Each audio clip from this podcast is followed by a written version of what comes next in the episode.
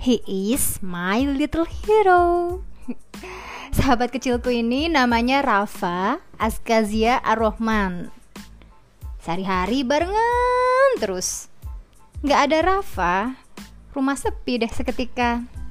Nggak ada Rafa, rumah bersih deh seketika. Nggak ada tuh yang namanya ranjo-ranjo mainan berceceran.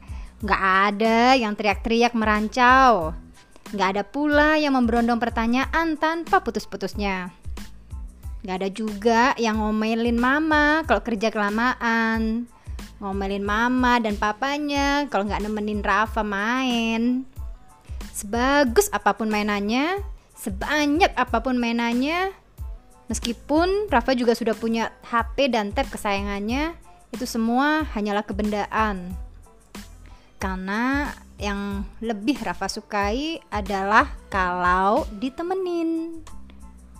Nggak ada pula yang akan berisik nyuruh-nyuruh sholat begitu azan dikumandangkan. Nggak ada yang bangunin paksa kalau mau tidur belum doa bareng Rafa. Nggak ada yang ngecengin lupa ya, lupa ya, lupa ya. Kalau mau makan terus nggak doa keras-keras. Rafa ini istimewa.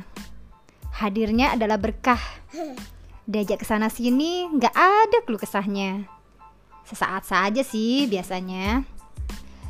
Apalagi alasan kami untuk tidak melanjutkan perjalanan.